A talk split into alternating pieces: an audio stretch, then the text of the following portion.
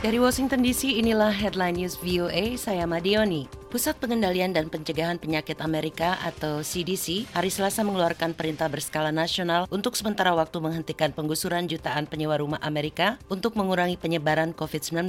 Perintah tersebut mencakup ke 43 juta penyewa perumahan Amerika selama mereka memenuhi persyaratan kelayakan pendapatan. Meskipun seorang pejabat mengatakan pemerintah tidak mengharapkan penggunaan program itu secara berlebihan. Perintah itu berlaku hingga 31 Desember dan berlaku untuk penyewa individu yang tidak berpenghasilan lebih dari 99 ribu dolar tahun ini atau 198 ribu dolar untuk pelapor bersama. Perintah itu juga berlaku untuk penyewa yang tidak melaporkan pendapatan pada 2019 atau menerima cek stimulus awal tahun ini. Penyewa harus mengajukan pernyataan di bawah sumpah yang memperingatkan bahwa penggusuran akan membuat mereka kehilangan tempat tinggal atau memaksa mereka menjadi berbagi tempat tinggal karena tidak tersedia pilihan perumahan lain dan membuktikan mereka telah menggunakan upaya terbaik untuk mendapatkan semua bantuan pemerintah yang tersedia untuk menyewa atau memperoleh tempat tinggal.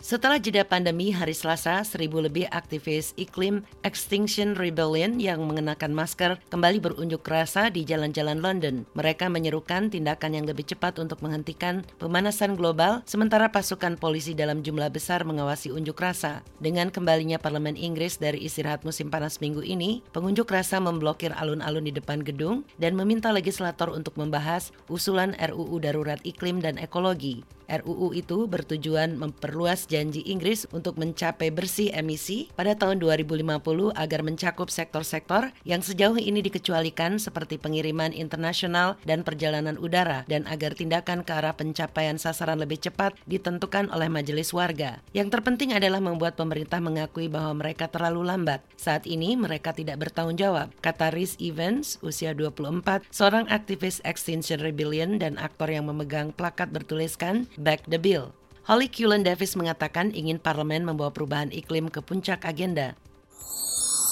The Voice of America. Polisi Nasional Sudan Selatan minggu ini menahan seorang laki-laki karena diduga mencoba menjual dua anaknya di pasar konyok-konyok Juba. Laki-laki itu membantah tuduhan tersebut dengan mengatakan ia berupaya mencari orang untuk mengadopsi anak-anaknya karena tidak mampu memberi mereka makan. Daerah ini merupakan tempat tinggal suku Murle di Sudan Selatan. Para pemimpin setempat mengidentifikasi laki-laki itu sebagai Jackson Maker. Mereka mengatakan Maker berjalan ke pasar dan bertanya apakah ada yang mau membeli dua anak laki-lakinya berusia sekitar 4 dan 8 tahun. Maker mengatakan ingin mengembalikan anak-anak itu pada keluarga istrinya. Pengacara hak asasi manusia Bill Butros Bill mengecam upaya Maker menjual anak-anaknya. Menjual manusia adalah sesuatu yang tidak bisa diterima, salah, bertentangan dengan martabat manusia, bertentangan dengan hak untuk hidup. Sementara kita mengecam tindakan tersebut, kita perlu menelaah lebih mendalam untuk melihat realitas mengapa orang tua bisa menjual anak-anak. Pemerintah Trump hari Selasa mengumumkan bahwa sejumlah besar tes cepat COVID-19 yang bulan lalu dibeli dari Abbott Laboratories akan dikirimkan pada para pemimpin negara bagian untuk mendukung pembukaan kembali infrastruktur penting di Amerika. Melalui kesepakatan bernilai 750 juta dolar, pemerintah Amerika memperoleh 150 juta tes dari Abbott yang akan mulai didistribusikan akhir bulan ini. Perusahaan tersebut mengatakan sedang meningkatkan produksi dan akan memproduksi lebih dari 50 juta tes per bulan pada Oktober untuk memenuhi tingginya permintaan. Penyakit COVID-19 disebabkan oleh virus corona. Pejabat pemerintah mengatakan membantu dibukanya kembali sekolah dan pusat penitipan anak serta menyediakan tes untuk responden pertama dan penduduk berkebutuhan khusus merupakan prioritas utama.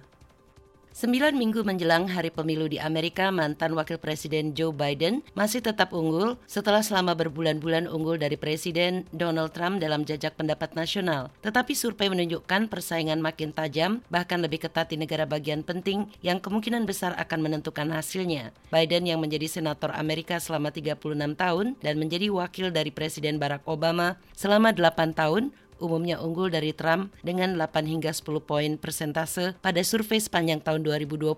Namun keunggulannya berkurang menjadi rata-rata 6,2 poin persentase dalam sejumlah jajah pendapat baru-baru ini yang dikumpulkan oleh situs Real Clear Politics. Sekian headline news VOA Washington, saya Madioni.